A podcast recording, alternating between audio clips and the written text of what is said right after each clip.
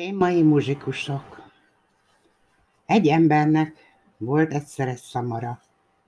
Hosszú évek óta hordta már szegény jószág a malomba a zsákokat. Folyton fogyott az ereje, egyre kevesebb hasznát lehetett venni. Minek abrakoljak tovább ilyen semmire való állatot, gondolta a gazdája, és elhatározta, hogy lebunkózza. A szamár azonban megneszelte, hogy valami készül ellene. Egy óvatlan pillanatban megszökött, és elindult Bréma felé. Úgy tervezte, majd ott beáll városi muzsikusnak. Amint ment, mendegélt, egyszer csak meglátott egy vadászkutyát. Ott hevert szegény az úton a porban, és lihegett, mintha halálra loholta volna magát. Mi a baj fogd meg? Miért lihegsz úgy? kérdezte a szamár. Hagyd el, gyökte búsan a kutya. Öreg vagyok, napról napra gyengülök, vadászni sem tudok már. A gazdám agyon akar ütni, alig tudtam egérutat nyerni. Az érhámat megmentettem ugyan, de ilyen vén fejjel, ugyan mihez kezdjek, ugyan miből éljek. Tudod mit, mondta szamár. Én Brémába tartok, ott felcsapok városi muzsikusnak. Gyere velem, szegődj be te is a zenekarba. Én majd a lantot pengetem, te meg dobolsz hozzá. A kutya elfogadta az ajánlatot, és most már kettesben mentek tovább. Egyszer csak szimatolni kezdett az öreg vadász ebb. Egy macska ült nem messze tőlük az út szélén, gírhesen, búsan, akár a hét szűk esztendő. Mit keseregsz, bajszos? érdeklődött a szamár. Kinek van jó kedve, ha egyszer a nyakának kötél? Felelte a macska. Megvénültem. A fogaim kicsorbultak. Jobb szeretek már a kájha mögött rombolni, mint egereket hajkurászni. De az emberek hálátlanok. A gazdasszony vízbe akart folytani, hogy ne kelljen tovább etetnie. Nagy nehezen eliszkoltam, hanem aztán most légy okos pajtás. Mihez kezdjek? Miből éljek? Gyere velünk Brémába muzsikusnak. Te úgyis jól értesz az éjjeli zenéhez. Hasznodat vehetjük a zenekarban. A macskának tetszett a tanács, és velük tartott. Útjuk éppen egy major mellett vitte el. Az udvar kerítésén egy kakas ült, és torka szakadtával rikoltozott. Hát téged mi lelt? kérdezte a szamár. Mit rikoltasz olyan irgalmatlanul? Jó, jó, jó, felelte a kakas. Hiába jósoltam jó időt holnapra. A gazdasszonyom vendégeket hívott, és ráparancsolt a szakácsnőre, hogy főzzön levest belőlem. Estére elvágják a nyakamat. Hát, amíg lehet, kiabálok ahogy a torkomon kifér, úgy sem sokáig tehetem már. Inkább gyere velünk, tarajos, biztatta a szamár. A halálnál jobb foglalkozást mindenütt lesz magadnak. Brémába megyünk, muzsikusnak. Neked jó hangod van, énekelni is tudsz. Az lesz száma hangverseny, amit mi adunk. A kakasnak nem kellett kétszer mondani a dolgot, és most már négyesben igyekeztek tovább. Csak hogy Bréma még messze volt, a nap pedig már lemenőben. Estére éppen csak egy erdőig jutottak el. Elhatározták, hogy ott töltik az éjszakát. A szamár meg a kutya leheveredett egy fa alá, a macska meg a kakas pedig feltelepedett a fára. A macska meghúzta magát az egyik ág könyökében, A kakas azonban felröpült egészen a fa tetejébe. Onnét messzibre látni, meg biztonságosabb is a magasban, legalábbis a kakasfélének.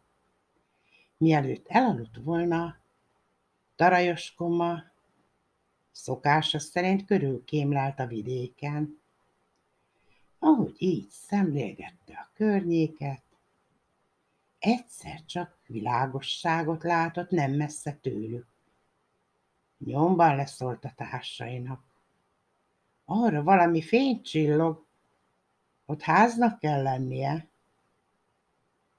Akkor szedjük a sátorfánkat, és menjünk oda, mert ez itt nem valami kényelmes szállás, mondta a szamár. És ahol ház van, ott vacsorát is esznek. Nekem pedig már el kellene egy-két csont, kivárt, ha húsos, jelentette ki a kutya. Én is szívesebben tölteném az éjszakát a kemence patkán, mint itt a fán, tette hozzá a macska. Fölkerekedtek hát, és elindultak arra felé, ahonnét a világosság látszott. Először csak akkorka volt, mint egy mécsvilág, aztán nőttön nőtt, egyre jobban csillogott, és egyszerre csak ott álltak egy kivilágított betyártanya előtt. Négyük közül a szamár volt a legnagyobb, oda ment az ablakhoz, és benézett. Na mit látsz, szürke? kérdezte a kakas. Mit látok? Terített asztalt, rakva minden jóval. Körülötte ülnek és falatoznak a betyárok. Terített asztal, sóhajtotta a kakas. Ez kellene nekünk. Az ám, mondta a szamár. Én is szívesen ülnék a helyükben. Kissé félrevonultak, és tanakodni kezdtek, hogy foghatnának a dologhoz, hogyan ugraszthatnák ki a házból a begyárokat. Addig tanácskoztak, még ki nem főzték a haditervet. A szamár feltette a két előső lábát az ablakpárkányra, a kutya felugrott a szamár hátára, a macska felkúszott a kutya nyakára, végül a kakas felröppent a macska fejebúbjára. Mikor mindegyikük a helyén volt, a szamár halka jelt adott, és egyszerűen rákezdtek a muzsikára.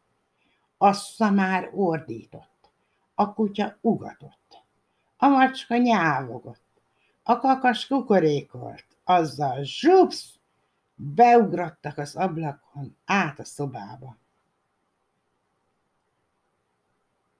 A betyárok csak annyit láttak, hogy valami bezúdul az ablakon.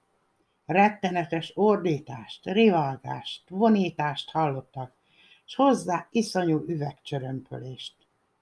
Rémülten ugrottak fel az asztaltól, azt hitték a ház szakad rájuk, vagy kísérthet ront közéjük. Ilyettükben fölordítottak, s hanyat homlok kimenekültek az erdőbe. A négy cimbora pedig letelepedett az elhagyott asztalhoz.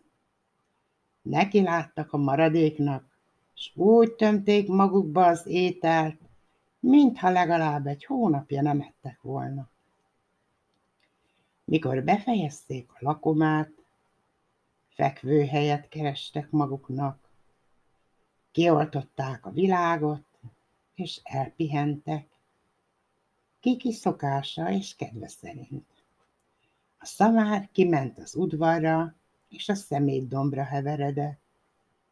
A kutya a küszöbre hasalt, a macska a tűzhelyen a langyos hamuba kuporodott. A kakas meg felült a kakasülőre. Fáradtak voltak a nagy úttól, hamarosan elaludtak. Valamikor éjfél táján a begyárok kimerészkedtek a sűrűből, és elkezdték figyelni a házat. Látták, hogy minden csendes, a lámpa sem még már. Azért mégsem kellett volna hagynunk, hogy ilyen kurtán furcsán kielbrudaljanak minket, mondta a banda vezér. Elküldte az egyik betyárt, kémlelje ki alaposan a házat.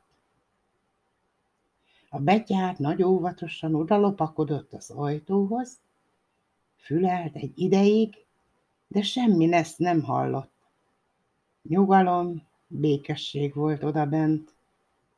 Erre bemerészkedett a konyhába, és mert ott sem észlelt semmi gyanúsat, világosságot akart gyújtani. A macska szeme parázslott a sötétben. A betyár azt hitte, igazi parázs. Oda nyomott hozzá egy szár gyújtóst, hogy tüzet fogjon. De a macska nem vette tréfára a dolgot. Fújt egy nagyot, nekiugrott a betyár képének, és össze-vissza karmolta.